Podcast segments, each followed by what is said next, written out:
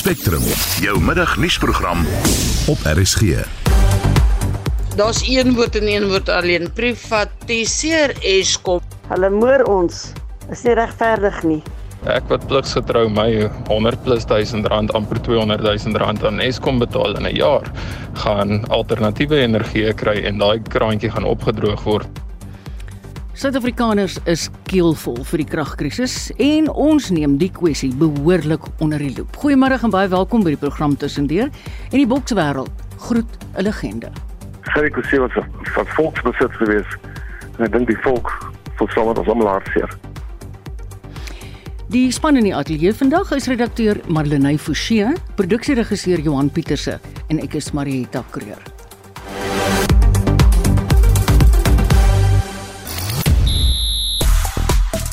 Goeiemiddag Suid-Afrika. In sportnuus vanmiddag, Afrika se eerste swaargewig wêreld bokskampioen, Gerry Kutse, sterf na 'n lang kankerstryd. In cricket het Pretoria Capitals domineer in 'n gemaklike sege oor Sunrisers. En Novak Djokovic kom moontlik teen Nick Kyrgios in die Australiese Ope te staan. Meer sport volg bietjie later. Dis Christo Gawie vir RSG Sport. Eskom load shedding Friday the 13th en Nersa is die gewildste onderwerpe waaroor sosiale media gebruikers gons. Beerdkrag is die betroubaarste diens in Suid-Afrika, skryf 'n gebruiker onder die hitsmerk load shedding. Die DALP John Steenhuisen het self 'n plaas plasing onder die hits gemaak. Dit is tyd om politiekery op sy te skuif en te help om die ligte aan te hou. Beerdkrag het 'n vernietigende uitwerking op elke liewe Suid-Afrikaner se lewe, sê John. Ons wil baie graag hê dat luisteraars saamgesels in ons program. Ons het nou gehoor van Gerrie Kutse en Hilde Blyke stroom in na die dood van die swaargewig bokskampioen. Baie mense vertel vir ons hoe hulle in die middernagtelike ure opgestaan het om na sy gevegte in Amerika te kyk. Miskien het jy 'n staaltjie oor hierdie bokslegende om te deel. En soos ons nou kan hoor aan die sosiale media is die ander groot probleem is die kragkrisis. Jy kan gerus met ons daaroor ook gesels as jy wil. Jy kan 'n SMS stuur na 45889, die kos R50 per boodskap, of jy kan 'n stemnota stuur na 076 536 6961. Welkom terug by Spectrum. Dit is op die kop 8 minute oor 12. Ons het nou in die sosiale media insetsel gehoor dat die leier van die DA, John Steenhuisen, ook sy mond uitgespoel het oor hierdie kragkrisis wat ons het. Hy vra vir 'n dringende vergadering met president Cyril Ramaphosa om sy voorstelle oor die beëindiging van beurtkrag te deel. En John Steenhuisen sluit nou by ons aan. Goeiemôre John. Goeiemiddag, wonderlik om saam met julle vandag te wees en ek wou begin om my meegevoelde simpatie aan die familie en vriende van Gerry Goetsie te stuur. Ja. Uh, ek dink dit is baie baie uh, swak nuus uh, ja. op hierdie op hierdie 13de Vrydag die 13de. Ja, dis waar nou John. Ek wil jou uitnooi. Ek gaan my vrae in Afrikaans stel vandag, maar as jy te vurig raak of jy soek na woorde, kan jy gerus in Engels antwoord hoor. Want ek het jou op TV gesien, ek sien jy voel baie emosioneel hieroor. Kom ons vra wanneer het jy die vergadering aangevra? Het jy al iets van die presidentskap gehoor? Ons het brief uh, gister vir die president gestuur. Ons het nie eers van hom gehoor nie. Uh en ek dink dit is baie baie dringend dat ons hierdie vergadering hê want ons wou weet uh, wat die regering se planne is om ons uit hierdie um, groot moeilikheid te kry. Mm. Um ek hoor nou dat die president besig is om na Davos te, te reis uh om uh, beleggings te vind vir Suid-Afrika, maar my gevoel is dat daar is 'n krisis nou in ons land met uh, met hierdie beurtkrag. Ehm um, wat groot skade aan ons mense en ons ekonomie doen. En dit maak nie sin nie om vir meer uh, meer uh, nog meer beleggings te soek wanneer ons kan nie eers vir ons eie beleggings wat alreeds hier is te sorg. En uh, daar's fabrieke en besighede wat sukkel baie baie mm. met hierdie uh, met hierdie beurtkrag en ek dink daar's dan moet net een prioriteit vir die president en sy regering en dis hoe kan ons uit hierdie uh, moeilikheid klim? Veronderstel die president stem nou in om met jou te vergader en om die DA se voorstelle te implementeer. Hoe lank dink jy sal dit jou party neem om enigsins vordering te maak sodat beurtkrag beëindig kan word? Dadelik 3 maande, 6 ja. maande? Ja, ons is besig alreeds waar ons in regering is. En daar's 'n uh, klomp munisipaliteite rondom die land waar ons in beheer is. Uh die stad van Kaapstad en ook in 'n uh, munisipaliteite in die Wes-Kaap waar ons besig is met ehm um, met uh planne te implementeer om mense te beskerm teen beurtkrag. Maar die feit is dat as ons nog sit met Eskom as die uh, as die enigste maatskappy wat elektrisiteit uh, doen in Suid-Afrika, dan het ons nie eers 'n nie om dinge reg te ruk. Mm. Dis hoekom ons, ons wou hoor van die regering, wat is die planne? Wat die beleide en planne wat die regering vir die laaste 20 jare geïmplementeer het, het nie gewerk en dis hoekom ons sit nou met die ergste uh beurtkrag wat ons al ooit gesien het mm. uh met hierdie uh, stage 6 indefinitely uh, en ek dink dit doen groot groot skade. O ja.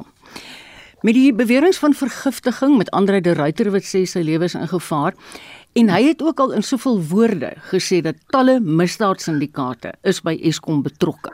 Dit klink na 'n baie gevaarlike speletjie. Hoe sal julle ouens te werk gaan om hierdie syndikaate se bedrywighede stop te sit? Die beste manier is om om uh, om 'n uh, uh, 'n ring fence wanneer om 'n ring fence state of disaster rondom ja. Eskom te sit. Want dan vry jy Eskom van uh, uh, van hierdie beleggings, uh, hierdie uh, beleide van BEE localization en al daai ander beleide wat maak dit baie baie maklik om hierdie syndikaate hulle hande op Eskom se kontrakte te hê. Ons sit nou met 20 jaar van kader employing en staatskaping in um, maatskappye soos Eskom. En die beste manier is om Eskom op te breek en die private sektor in te bring mm. om om uh, te betrokke te wees by die uh, die produksie van elektrisiteit in Suid-Afrika. Daai kompetisie sal seker maak dat ook dat die pryse sal um, minder word. Ons sit nou met die nuus op hierdie dag dat ons uh, daar's 8 meer as 18% ehm um, meer vir, vir elektrisiteit in, mm. in hierdie jaar en dis voor enige munisipaliteit hulle eie tariewe daarop sit. So daar is 'n moontlikheid dat mense sal sowel 30% meer uh, betaal vir elektrisiteit hierdie jaar wanneer die munisipaliteite hulle tariewe daarop sit. En ons kan nie so aangaan nie. Mense kan nie dit bekostig nie. Ons kan nie so aangaan met hierdie beurtkrag en die die die die, die, die hoe hoe hoe vinniger is ons om om om Eskom op te breek en die private sektor se oplossings in te bring. Die beter dit sal wees vir Suid-Afrika. Dit is net nou 'n tyd vir ideologie en die politieke beleide van die ANC want hulle het nie gewerk nie. Ons moet iets anders doen om uit hierdie moontlikheid te kry. Ons almal weet dat die minister van minerale en energiehulpbronne is 'n vakbond en veral 'n steenkoolman. Nou wat lê vir ons voor as Eskom inderdaad onder sy departement gaan val?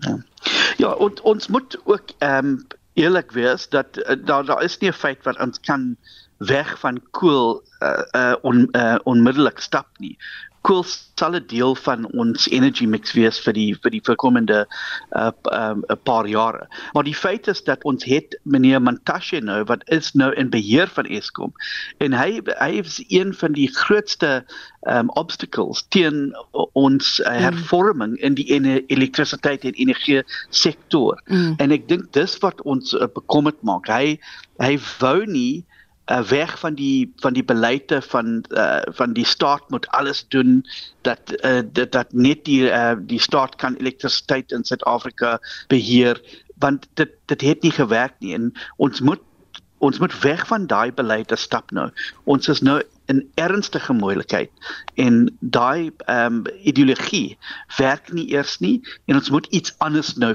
probeer Baie kortliks asseblief. Die DA het al verskeie optogte gereël wat gaan oor swak dienslewering in die land. Is dit iets wat julle in hierdie geval ook oorweeg? Ehm um, ja, ek ek dink dis uh, dit, dit dit dit dit is baie baie belangrik dat dat ons uh, ons ons met hierdie probleme uh, moet oplossings onmiddellik kry mm. want dit maak 'n groot impak op mense se daglikse lewe. Ja. Ons sit met een van die grootste werkloosheidssyfers in die wêreld. En hoe kan 'n mens hulle besigheid se deure oop hou wanneer hulle sit ure elke dag waar kan nie eers besigheid doen nie. Hierdie fabrieke wat kan nie eers hulle produkte maak. Ons sit met 'n 'n sosiale impak op alle dienslewering in die land. En ek dink dis dis hoekom dit so dringend is ja. dat hierdie ehm um, dat hierdie uh, probleme en oplossings moet gevind word. En dit maak nie saak wat ek kleer die die die die TMP is van die party wat die idee op die tafel sit nie ons moet die beste idee van almal vat om uit hierdie probleem um, te, te kry. John Baie, dankie en sterkte vir julle planne vorentoe. Dit was die leier van die DA, John Steenhuisen. Is op die kop kwart oor 12. Kyk, Suid-Afrikaners is keelvol vir die kragkrisis en natuurlik dan ook die tariefverhogings. Hier is van ons luisteraars se mening oor die kwessie. Daar's een woord en een woord alleen. Privatiseer Eskom want Eskom kan nie eers vir ons krag gee nie, maar hulle wil geld hê. Hulle wil verhogings hê op krag. Hou ek ons krag aan. Ja, een woord en een woord alleen. Privatiseer Eskom of sommer die hele Suid-Afrika, dan sal dit baie beter wees. Wat is Eskom besig om te doen met ons mense? Hulle moer ons is nie regverdig nie. Ek meen is ons land hierdie, hoekom veg ons nie daarvoor nie? Ek is in die landboubedryf en hierdie 18% prysverhoging gaan vir my 'n uh, 27000 rand se prysverskil maak, maar wat gaan gebeur is ek gaan begin kyk na alternatiewe energie. So ek wat pligsgetrou my 100 plus 1000 rand amper 200 000 rand aan Eskom betaal in 'n jaar, gaan alternatiewe energie kry en daai kraantjie gaan opgedroog word aan Eskom. En ek weet myne is 'n druppeltjie in die emmer van wat Eskom ontvang in 'n jaar, maar ek is seker dis nie net ek daar buite wat so dink nie. Ek hoop van harte dat lede van ander partye dit sal reg kry om die astronomiese verhoging te kan kwytskel. En dan is die krag so baie af. Dit is hartverskeurende hoe dat Eskom werk met hierdie land se mense. Dis maar net enkele van die boodskappe wat die luisteraars vir ons gestuur het op WhatsApp. Jy kan gerus as jy wil ook 'n stemnota stuur 076 536 6961. Die hoofekonoom by die Efficient Groep, Dawie Rood, sê die land se kragkrisis is groter as die nasionale energiereguleerder wat Eskom se tariefverhoging van meer as 18% goedgekeur het. Hy sê Nersa moet eintlik nie eers in die prentjie wees nie. Goeiemôre Dawie. Goeiemôre eh, Marieta. Hoekom sê jy so? Wel Marita, kom ons verstaan wat is die funksie van NERS? Onthou Eskom is 'n monopolie. Dit beteken dat hulle is eintlik die grootste of amper maar die enigste verskaffer van elektrisiteit in die land. En as jy 'n monopolie is, dan is jy in 'n baie sterk posisie en om daardie rede moet jy 'n reguleerder daar hê om seker te maak dat hierdie ouens nie hulle posisie misbruik nie. Maar die aanname is is dat dit veronderstel is om te gebeur in 'n normale onder normale omstandighede waar 'n maatskappy goed bestuur word en maatskappy finansiëel sterk is en gewone goederes op die gewone manier manier gedoen word. Nou hier's absoluut niks normaal aan wat ons tans het nie. Ons het 'n maatskappy, hulle noem hulself 'n maatskappy, hulle is nie werklik 'n maatskappy nie, maar ons het 'n maatskappy met die naam van Eskom wat 400 miljard rand se skuld het. Hulle probeer die koste van hierdie skuld aan die verbruiker toe af te wendel. Dis een van die redes vir die hoë toename. Intussen is daar ander maatskappy 'n uh, uh, uh, plaaslike owerhede wat Eskom so wat 60 miljard rand skuld. Intussen is daar hoeveel duisende mense wat uh, deur Eskom betaal word wat nie eers daar behoort te wees nie en intussen gee Eskom vir daardie mense 'n 7 7% verhoging terwyl Eskom eintlik heeltemal 'n bankrot bankrot organisasie is. So die die krisis hierso ons het uh, ons het 'n instelling wat besig is om in duie te stort wat krities is vir die Suid-Afrikaanse ekonomie en onder hierdie omstandighede probeer almal voorgee asof niks verkeerd is nie. En Nersa gee 'n toename van 18,65% wat klaar verkeerd is want niemand weet wat die korrekte prys van elektrisiteit behoort te wees nie. Eskom vra 32% en almal gaan voort asof hier niks aan die gang is nie. Ons moet nie eers van Nersa moenie eers deel wees van hierdie prentjie nie. Wat moet gebeur is Eskom moet in besigheidsredding geplaas word. Ons moet dit as 'n krisis hanteer en ons moet sorg dat ons elektrisiteit kry in Suid-Afrika. Vergeet eers van al hierdie prysveranderingkies en al hierdie goedjies wat daarmee saamgaan. Hierdie is 'n krisis wat soos 'n krisis hanteer moet word en die enigste uitweg wat ek sien is om vir Eskom in besigheidsredding te plaas. Kyk, een van Nersa se regulatoriese beginsels is om in openbare belang op te tree tree hy nou enigsins op in die belang van die publiek sê jy sê? Wel, uh, Nasser se verantwoordelikheid is om is om redelik in billik te wees en natuurlik in belang van die publiek op die ou het. Nou 'n 18% verhoging of meer as 18% verhoging onder die omstandighede waarin ons self vandag bevind is sekerlik nie billik teenoor die Suid-Afrikaanse publiek en sekerlik teenoor die Suid-Afrikaanse regering nie. Aan die ander kant weer, gaan Eskom vir jou sê dat hy so diep in die moeilikheid finansiëel dat hy kan nie 18% is glad nie goed genoeg vir Eskom nie. Mm. Hy wil baie meer hê want hy het skuld van 400 miljard wat hy nie kan terugbetaal nie. So dis dis dit is van die argumente wat eintlik eintlik alles sê dat dat Nersa moenie eers 'n rol hierso speel nie. Hierdie is 'n krisis en Nersa het net 'n rol te speel non, onder normale omstandighede en hierdie is sekerlik niks te doen met normaal nie. Weet jy Dawie, as ons so luister hier by die redaksie na al die boodskappe wat inkom van luisteraars, kry mense so half die indruk Suid-Afrikaners is nou daar waar hulle moet kies tussen krag en kos. Dit is inderdaad so in baie gevalle. Ons het 'n verskriklike vlakke van werkloosheid in Suid-Afrika. Ons het baie hoë vlakke van armoede en ons het stygende mate van armoede. Ons het stygende kospryse in Suid-Afrika en daar's verskriklik baie mense wat vreeslik swaar kry aan buitekant.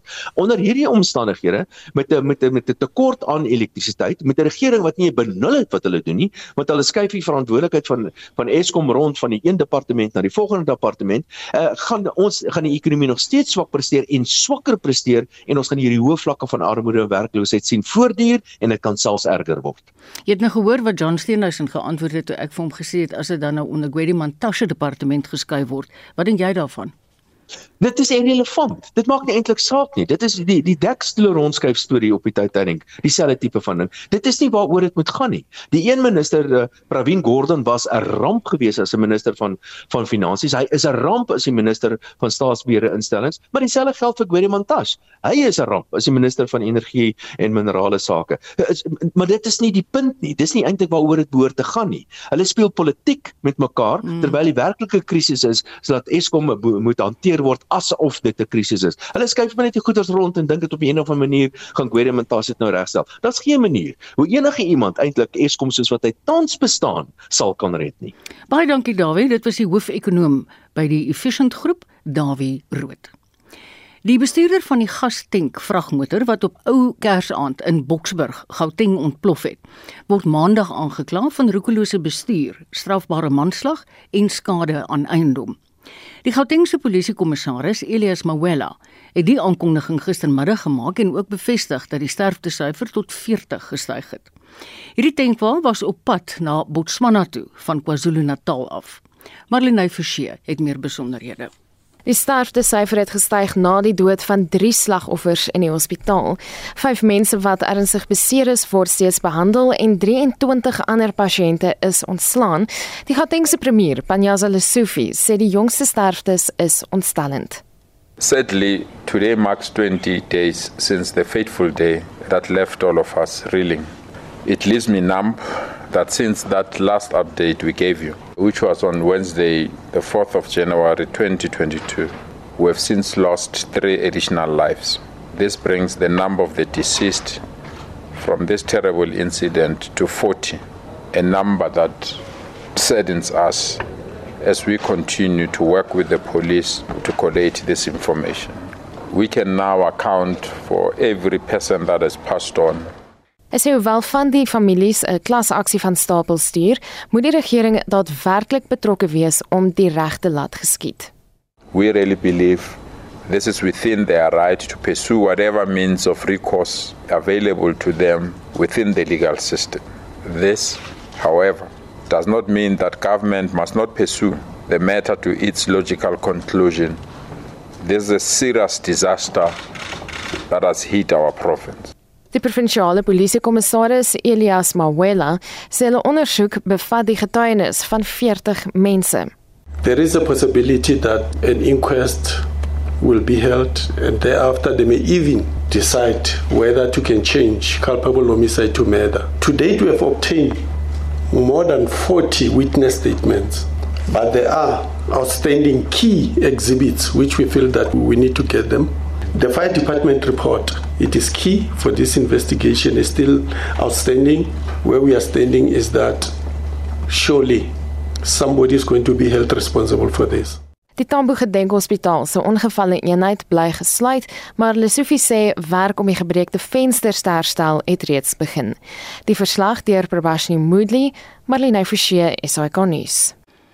Jy is ingeskakel op RSG en luister na die program Spectrum dis op die kop 25 minute oor 12. Een van die twee groot onderwerpe wat vandag nuus is, is die dood van die Suid-Afrikaanse bokser Gerry Coetzee. Huldeblyke stroom in na die dood van hierdie legendariese bokser. Hy is dood in die ouderdom van 67 en hy's in sy huis oorlede na 'n lang stryd met longkanker.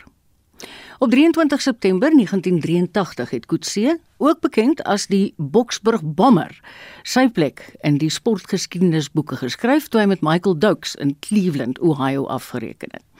Die oorwinning het hom die wêreld se eerste swaargewig bokskampioen uit Afrika gemaak. In 'n onderhoud met Anita Visser in 2020 het hy oor die oomblik gepraat. Is ook die rolprent wat oor hom gemaak is. Maar vir nou eers terug na daai oomblik op 23 September met kommentaar deur Heinrich Marnitz. Linker regter, regter linker. Dit is nie moeilikheid. Dit is nie moeilikheid nie op Gerry Coetzee vas. Gerry Coetzee moet afrond. Hy moet opvolg. Hy kan nie wêreldkampioen word vanaand. Stokes is heeltemal bekwelm. Stokes nou hom vas.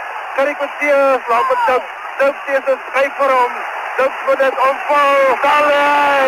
Stokes lê! Hy lê en die skeieregter word tyd. Hy kom sê vir Gary aan die diskant. Jy moet regter hier op toe gaan. Hy moet tyd die skeieregter self weer. Hy hy sê hy sê Karik met die wêreldkampioen. Gerry Coetzee is die wêreldkampioen in Slaan. Hendrik maar net so opgewonde daar. Gerry, hoe voel dit om na daai klank te luister? Dit gee my hoendervleis. Dit was iets wat ek amper nie kon glo nie. Dit het eers die volgende dag en dis my kind gebore, Tana, my jongste kind. Dit was sommer 'n klomp mooi dinge op basies in 24 uur baie mense praat van uh, the bionic hand, jy weet in plaas van the bionic man in uh, the Boksburg bomber, maar een van jou ander byname wat Callie Knoetse vir jou gegee het was Seraatjie Skootse. Ja. het jy teen hom geveg? Ek het teen Callie een keer wel drie keer is amateur het ek teen hom geboks en een keer is professioneel. Gerry, vir watter bokser was jy die bangste of die versigtigste? Ehm uh, sjoe.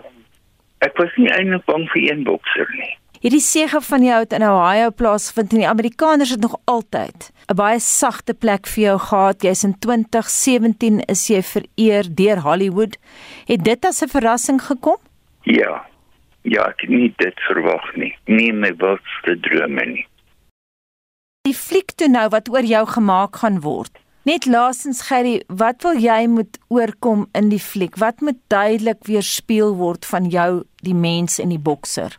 Ehm um, Anita, jy weet ek het my hande soveel keer gebreek en om met 'n gebreekte hand te boks, dit was amper vir my onmoontlik. Die pyn wat ek deurgegaan het. Soos met Pinton Thomas, het ek my hand voor die tyd gebreek en dan ook met Greg Page het ek my hand wel die persmense langs sy kruit gestaan en hulle het gehoor dat hoe die been kraak en breek. Greg Page het dit geweet dis toe ek die titel gehad het. Page het geweet ek het my hand gebreek. Ons het my stand Christodalo te gery en gehoor of ons die geveg kan uitstel. Ons het hom plate gewys. Dit was my duim wat gebreek was. Stan Christodalo sê nie, hy kan nie die breek sien nie en Jackie McCoy toe ons uitstap het hy gesê is die ou blind hoe kan hy 'n referee wees en hy het net gesê this will never happen in the USA hy het vir my gesê ek moenie met dit voortgaan nie. En toe sê ek uncle Jackie al breek ek my linkerhand sal ek ook maar nog moet aangaan met die boksing hulle gaan die titel by my wegvat en ek gaan geen inkomste kry. En ek is wêreldkampioen.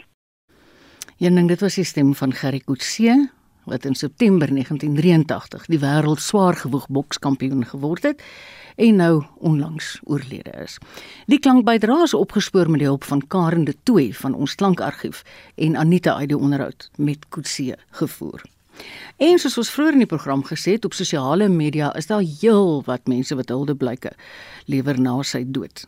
En hulle is veral trots op die feit dat hy Michael Doakes heeltemal uitgeslaan het. My kinderherinneringe sê iemand bestaan uit my pa wat in die nagtelike ure opstaan, 'n fles koffie maak en ons almal wat na Gerry se geveg sit en kyk in die vroeë oggendure. Sterkte aan sy gesin, sy vriende en sy familie. En Kuti, luisteraar, het vir ons hierdie stemnota gestuur. Dan nee, ek sal nooit vergeet hoe Gerry se geveg teen ek dink dit was Leon Spinks daar rondom 80s. Ek was in die koshuis gewees om Loewenduin. En die koshuisvader het ons kom wakker maak. Ons moet nou die boks kom kyk. Daai oggend, ek kan nou nou hoe laat was 2, 3 uur daar rondom gewees. Kon nou ons het nie lank gesit nie toe Leon Spinks uit toe sy dink dit was die eerste ronde gewees. Dis goeie herinneringe gewees. Lekker ou dae. Ja, ek moet sê ek dink daai is 'n sentiment wat baie van ons luisteraars huldig. Gerus as jy wil, jy kan vir ons jou opinie gee oor die beurtkrag situasie of oor Gerrie Kutse en ons nommer vir 'n stemnota is 076 536 6961. Jy luister na Spectrum. Elke weekmiddag tussen 12 en 1.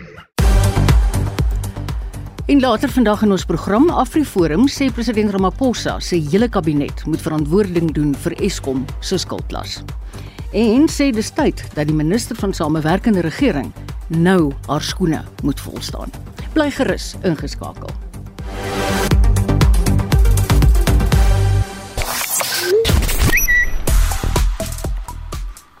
Op sosiale media bly Eskom een van die gewildste onderwerpe. Luisteraars kry net nie uitgepraat daaroor nie. 'n Luisteraar skryf: Eskom is vir hom soos sy IT-departement by die werk. As hy sy rekenaar afsit en hom hulp vra, dan sê die mense: "Have you tried to switch it on and off?" ek glo dit nie. Ja, en op ons eie SMS-lyn gaan dit ook heeltemal mal oor die kragkrisis. 'n Naamlose luisteraar skryf: "Omdat die regering nie beurtkrag persoonlik ervaar nie, sien hulle dit nie as 'n ramp nie." Ben van Bloemfontein skryf: "Boikot Eskom, wees selfvoorsienend."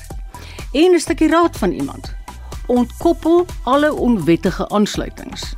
of plaas 'n totale verbod op die verkope van alle forme van skroot, koper en aluminium. Netwerkdiefstalle is reuse probleme en skrootverwerkingsaanlegte het na jare se versoeke gewys dat hulle nie die probleem wil help stopsit nie. Nou is dit tyd om aan te sluit by Christo Gawie want hy gaan vir ons nou die naweek se sport behoorlik afskop. Goeiemiddag. Gerry Kutse is gister na lang kankerstryd oorlede. Hy was 67 jaar oud. Kutse se loopbaan het van 1974 tot 1986 gestrek. Hy het in 1983 die kampioen van die wêreldboksvereniging geword toe hy Michael Doakes uitgeslaan het. Kutse het in 40 professionele gevegte geboks waarvan hy 33 gewen het. In cricket het Sunrisers Eastern Cape die lood gistermiddag op St George's Park in Quebec gewen en die Pretoria Capitals ingestuur om eerste te kolf. Capitals se Will Jack is uitgehaal deur Sunrisers se Marco Jansen binne die eerste bilbeerd. Knap daarna die tweede paltjie, die van Riley Rousseau gekantel met sy bydrae van vier lopies. Die vennootskap tussen Phil Salt en Tennis de Bruin het goed gevorder. Spel is egter stopgesit knap na die 4de bilbeerd as gevolg van reënweer, maar tog weer hervat en Capitals kon 193 vir 6 binne hulle toegelate 20 beurte aanteken. Phil Salt het 'n stewige 77 lopies bygedra. Sunrise Eastern Cape het 'n teiken van 194 gehad en kon antwoord met slegs 170 vir 5. Capitals wen dus met 23 lopies. In die vierde kragmeting later vanmiddag in die koers van 0.5 is Parel Royals teen Joburg Super Kings in aksie.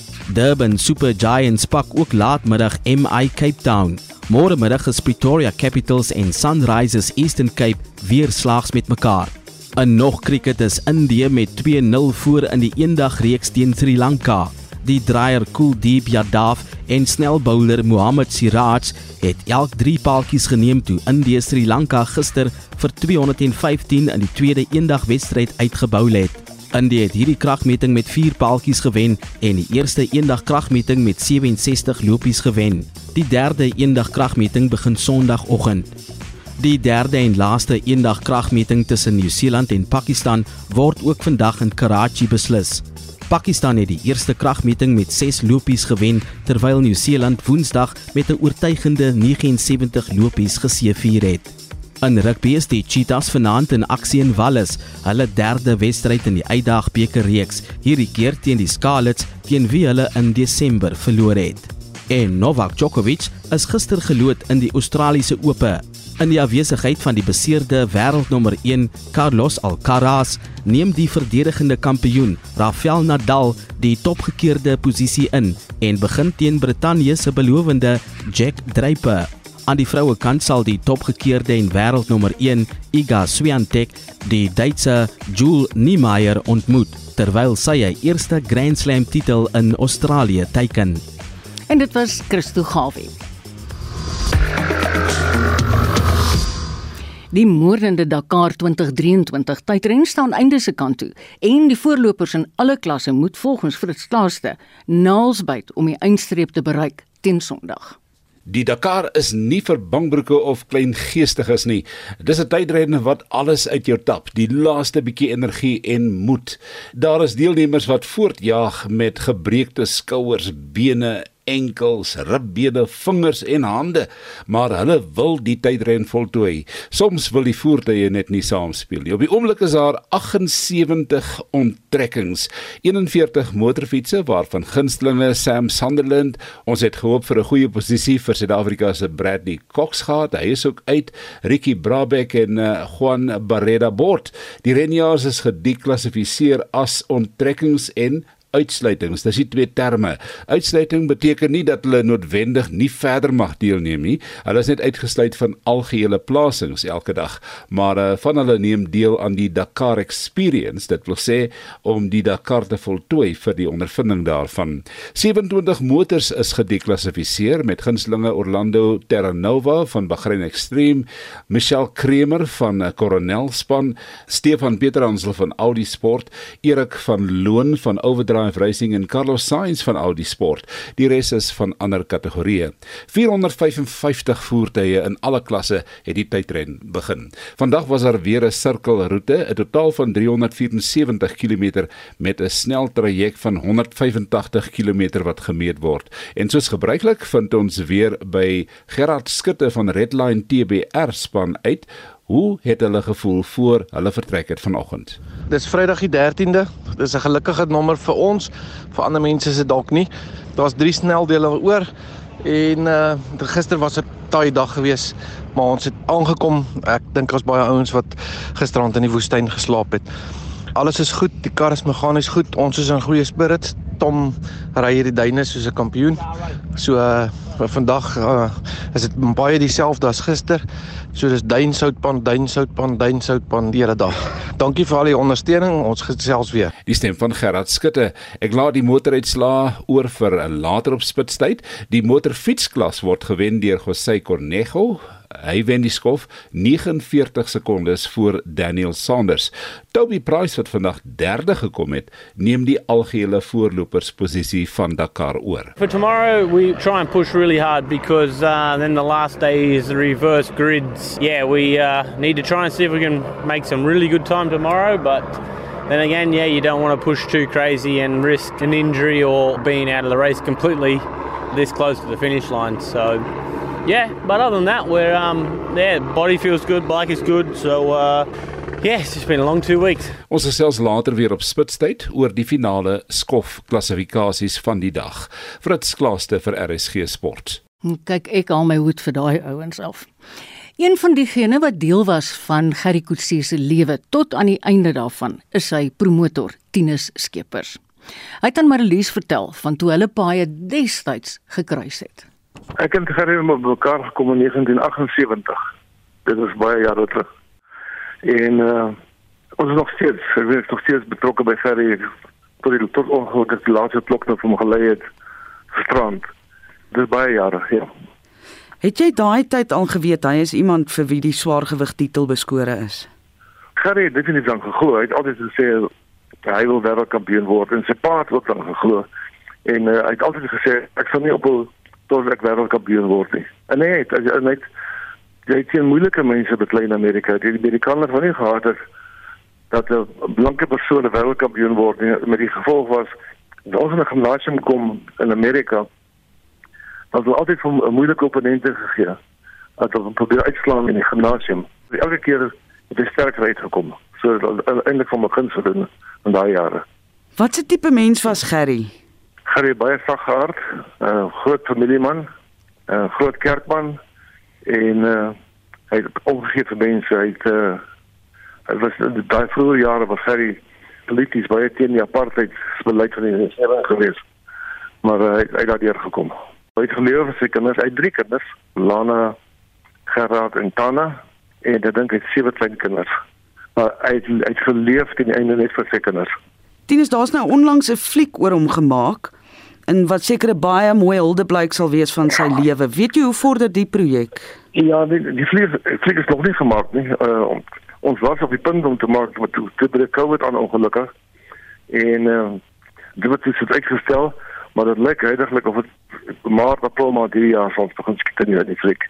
Maar Koos Roots en Andries uh, Skons, ons twee federale filmmakers, hulle is betrokke by die maak van die movie. Is daar al enige begrafnisreëlings getref of 'n roudiens? Ons ons het nog nie, ons het nie uitgekom nie. Ek vlieg maandag Kaap toe. Dan gaan ons al die reëlings daar tref. Ag Tinus, ek is baie jammer. Baie baie dankie vir jou tyd. Dit is 'n groot plesier as ek sê is 'n gerig gesê wat van volksbesit gewees. En ek dink die volk voel sommer ons almal hartseer. Ja, Tinus, jy praat baie waar. Ek het so in die houte van die syd dat ek jou sommer skepers gemaak, Tinus. Ek is jammer, dis eintlik Tinus Strydom. Hy is die voormalige swaargewig bokskampioen, Gerry Kutse se uh, bokskampioen. Ag, se afrigter. En jy kan gerus, dit ek is so opgewonde daaroor dat ek skoon met my woorde val. Ek kan gerus môre 'n naweek aktueel na die volledige onderhoud luister. Dit beloof om baie lekker radio te wees. En ons gaan voort met Spectrum. Ja, wat kan ons sê van hierdie ou kragkrisis? Ons het self nou so vir 'n oomblik of 7 in pikdonkerte gesit. Afriforum sê in 'n media-verklaring, president Cyril Ramaphosa se hele kabinet moet verantwoording doen vir Eskom se skuldlas. Dit sluit munisipaliteite sowel as nasionale en provinsiale staatsdepartemente in. Ons praat nou met Petrus Kutse, Afriforum se raadgewer vir plaaslike regeringsake. Goeiemôre Petrus. Goeiemôre Marieta. Dankie vir die geleentheid. Gaan hierdie Eskom tariefverhoging enigstens help dat munisipaliteite en staatsdepartemente hulle skuldlas betaal? Ehm um, weet jy nie, ek dink hoe genaamd nie. Ek dink inteendeel dit gaan vererger. Ehm um, tensy ons van nasionale regering op ingryping sien, ehm um, waar dokter Flamini Zuma verplig waar daar verpligting is om om te sien dat munisipaliteite en provinsiale regering saamwerk uh, om hierdie skuldlas te verhef. Ek moet toe sê julle voel redelik sterk daaroor dat hierdie minister nou haar sokkies moet optrek want julle sê dit is haar plig om te verseker dat al die rolspelers, die provinsiale en plaaslike regeringsvlak tog hulle eie finansiële probleme moet oplos. By implikasie dink julle sy doen nie haar werk nie. Ja, nee, hoe genaamd nie. Ehm um, ek dink in hierdie situasie waarin ons self bevind, waar ons almal weet munisipaliteite skuld reeds bedrag aan Eskom en dit ehm um, dra dra tog reeds 'n bydrae tot die tot die situasie waarin ons self bevind. Ehm um, en sy het die verantwoordelikheid om te sien dat dat die munisipaliteite en ook provinsiale departemente saamwerk um, en dat hy moet ingryp om te sien dat hulle van nasionale regering se kant af help um, met die finansiële bestuur om hierdie situasie op te los. Pieter, daar's nou 'n moontlikheid dat Soweto se skuldlas afgeskryf gaan word. Stel dit 'n presedent vir ander gebiede wat nou ook maar net dink hulle skuld gaan ook afgeskryf word. Ja, weet jy, dit is die bekommernis. Ehm um, ons is ons is bekommerd daaroor dat indien dit wel gebeur, dat ander munisipaliteite ehm um, sal dink dat ja. hulle ook ook die reg het om daai om daai skuld af te skryf en dat dit hulle sal vrystel. So ons wil dit definitief beveg indien dit indien, indien dit die geval is. Julle het nou al in die verlede redelik baie optogte gehou teen swak dienslewering en natuurlik ook teen plaasmoorde. Dink julle dis iets wat julle nou sal oorweeg ten opsigte van die kragkrisis? Marieta, ek dink dis definitief iets om te oorweeg. Ehm um, ons sien dat dat daar nie eintlik geluister word na die publiek nie of dit die gevoel wat daar gekry word. So ek dink solank dit binne die raamwerk van die wet is, sal mens moet kyk om om om dalk aktiwiteite te dryf, maar soos ek sê, wel binne die raamwerk van die wet. Ja, ek moet sê. Baie baie dankie Petrus. Dis Petrus Kutse, Afriforum se raadgewer vir plaaslike regeringsake. En jy laat bly ons by hierdie onderwerp want dit raak ons almal se lewens.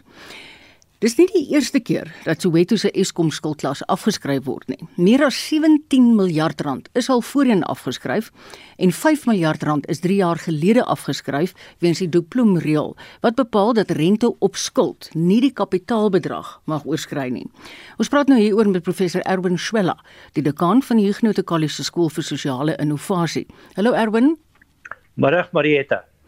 Is Soweto nie 'n voorbeeld van 'n bose kringloop van skuld wat afgeskryf word, skuld wat gemaak word en dan weer en weer afgeskryf word nie? Dit is definitief so en dit het absolute verdere rampspoedige gevolge. Ehm um, as 'n mens bepaalde opportunistiese gedrag beloon, dan kan jy net verwag dat mense dit sal voortsit.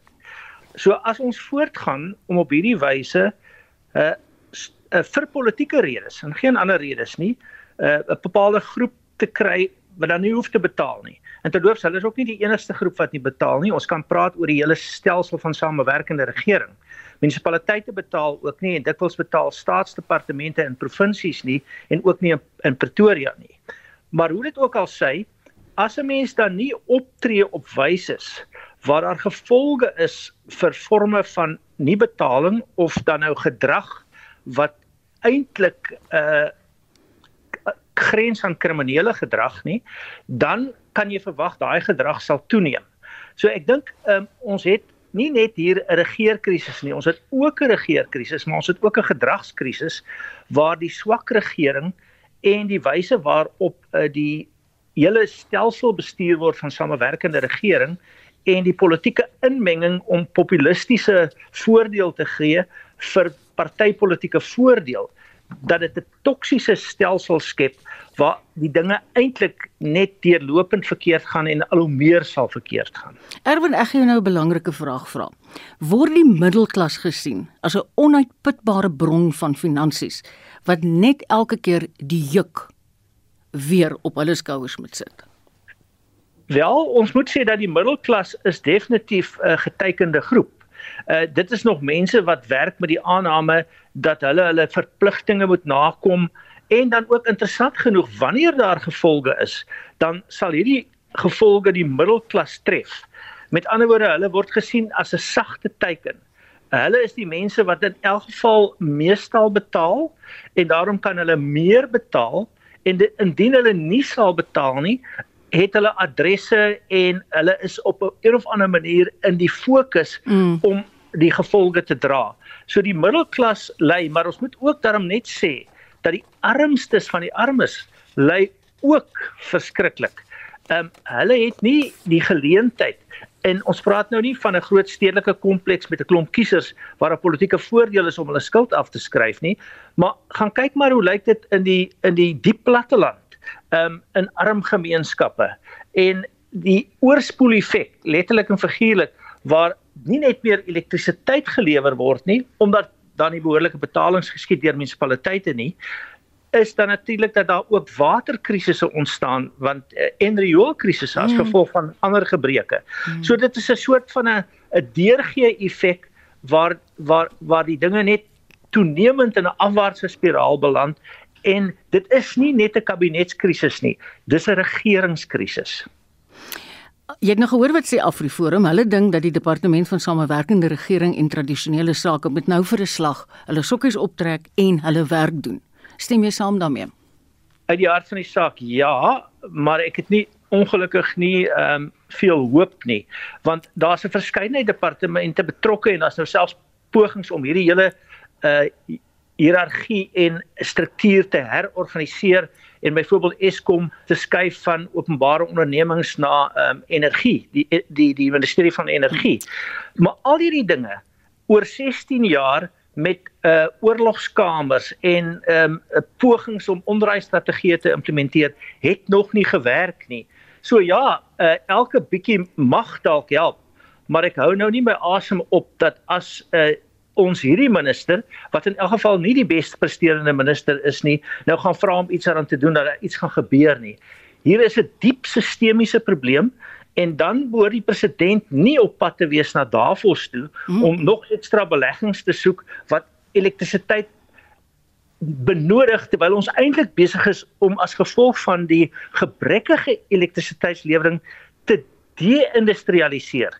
Ehm um, meer en meer bedrywighede van die van van ons van ons ehm um, nywerheids uh, gaan afgeskaal word hy behoort hier te wees en te fokus op die krisis wat 'n regeringskrisis is en hy is die hoof van die regering, nie net die hoof van die ANC nie. Ja, dit is nogals waar wat jy daar sê want Rome brand. Baie dankie Erwin, dit was professor Erwin Schwella, die dekaan van die Huguenot College se skool vir sosiale innovasie. Vandag se sake nuus word aangebied deur Ryan Rademeier van Sanlam Privaat Welvaart in Tygervallei. Hallo Ruben. Hallo, hallo. Ons het gister, hi. Ek kom praat, ja. Ons het uh, gister verneem soos verwagting dat uh, oor 'n jaar basis die inflasiesyfer in Amerika afgeneem het van 7.1% in November na 6.5% in Desember. Dit het dan veroorsaak dat die Amerikaanse markte almal in die groen gesluit het met die S&P wat 0.3% hoër was en die Nasdaq wat 0.6% op was. Dis plaaslik kyk, die JSE van alle aandele is op 5.8% sterker en staan tans op 79250 punte. Die hoogste vlak nog tot die datum. Nou ons sien dan die Hulbron indeks is 1.34% hoër. Die finansiële indeks is 0.52% sterker en die nywerheidsindeks is 0.74% sterker.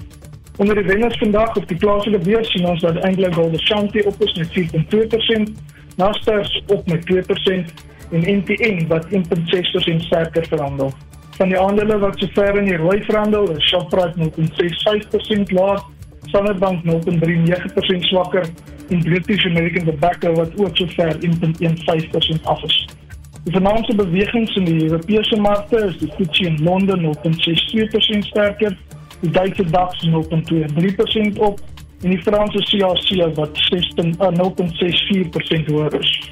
Onder kommoditeite sien ons stuk verandering 1904 dollar per fyn ons, platinum 1070 dollar per fyn ons en Brent olie wat 84 dollar 3 sent per vat kos.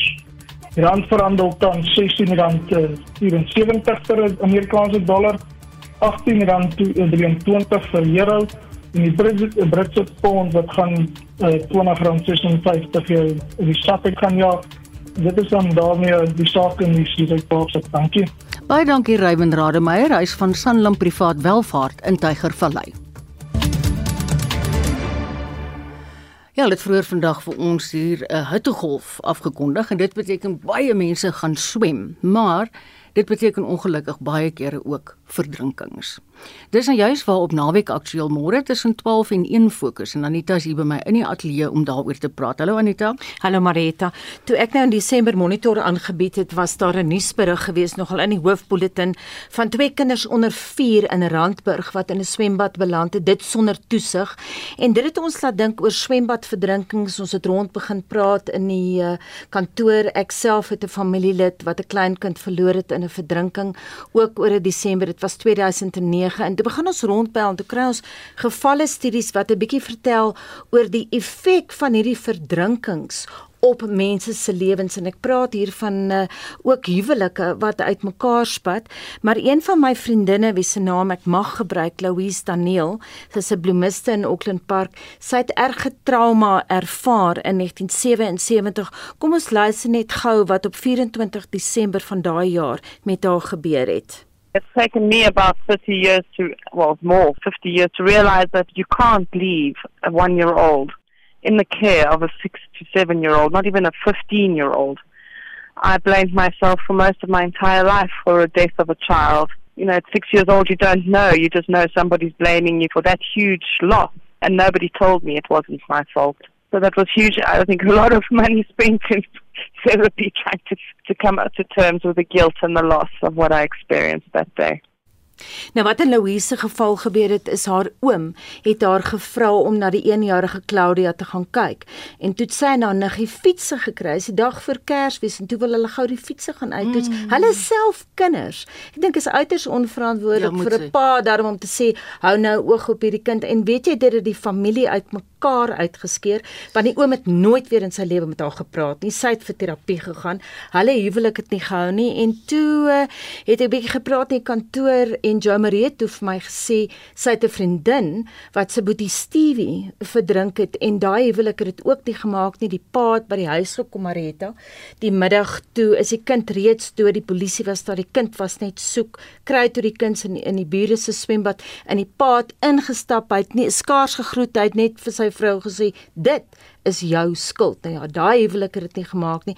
Ten spyte van die feit Marita dat hulle vir nog 'n kind jy weet probeer dit. Mm. So ons kyk na die effek van die trauma van verdrinkings op familielede en ek praat ook met 'n sielkundige wat verduidelik wat die effek daarvan is. Jong, weet jy, ek moet jou sê Anita, dis erge trauma wat jy nou beskryf. Weet maar ek sien uit ek gaan môre luister. Ons het intussen heelwat stemnotas ontvang oor die kragkrisis as ook oor die dood van die swaargewig bokskampioen Gerrie Coetzee.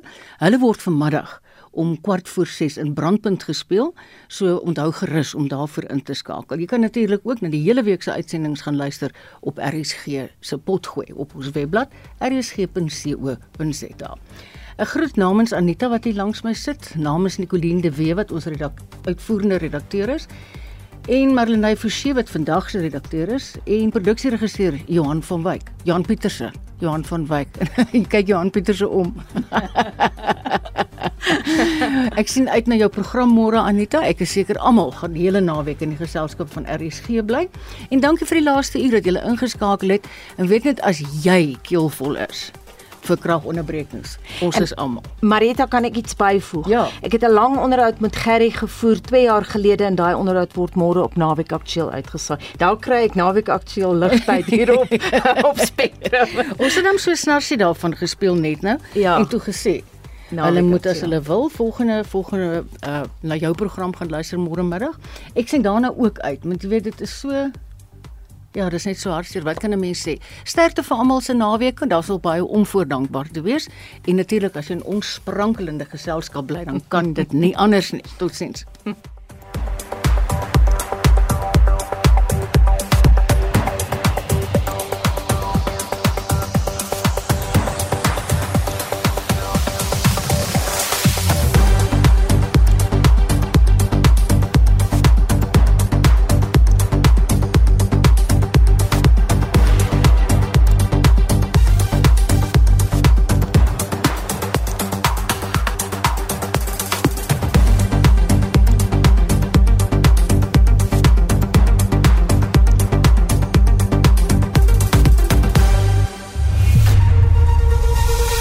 SAK nuus. Onafhanklik, onpartydig.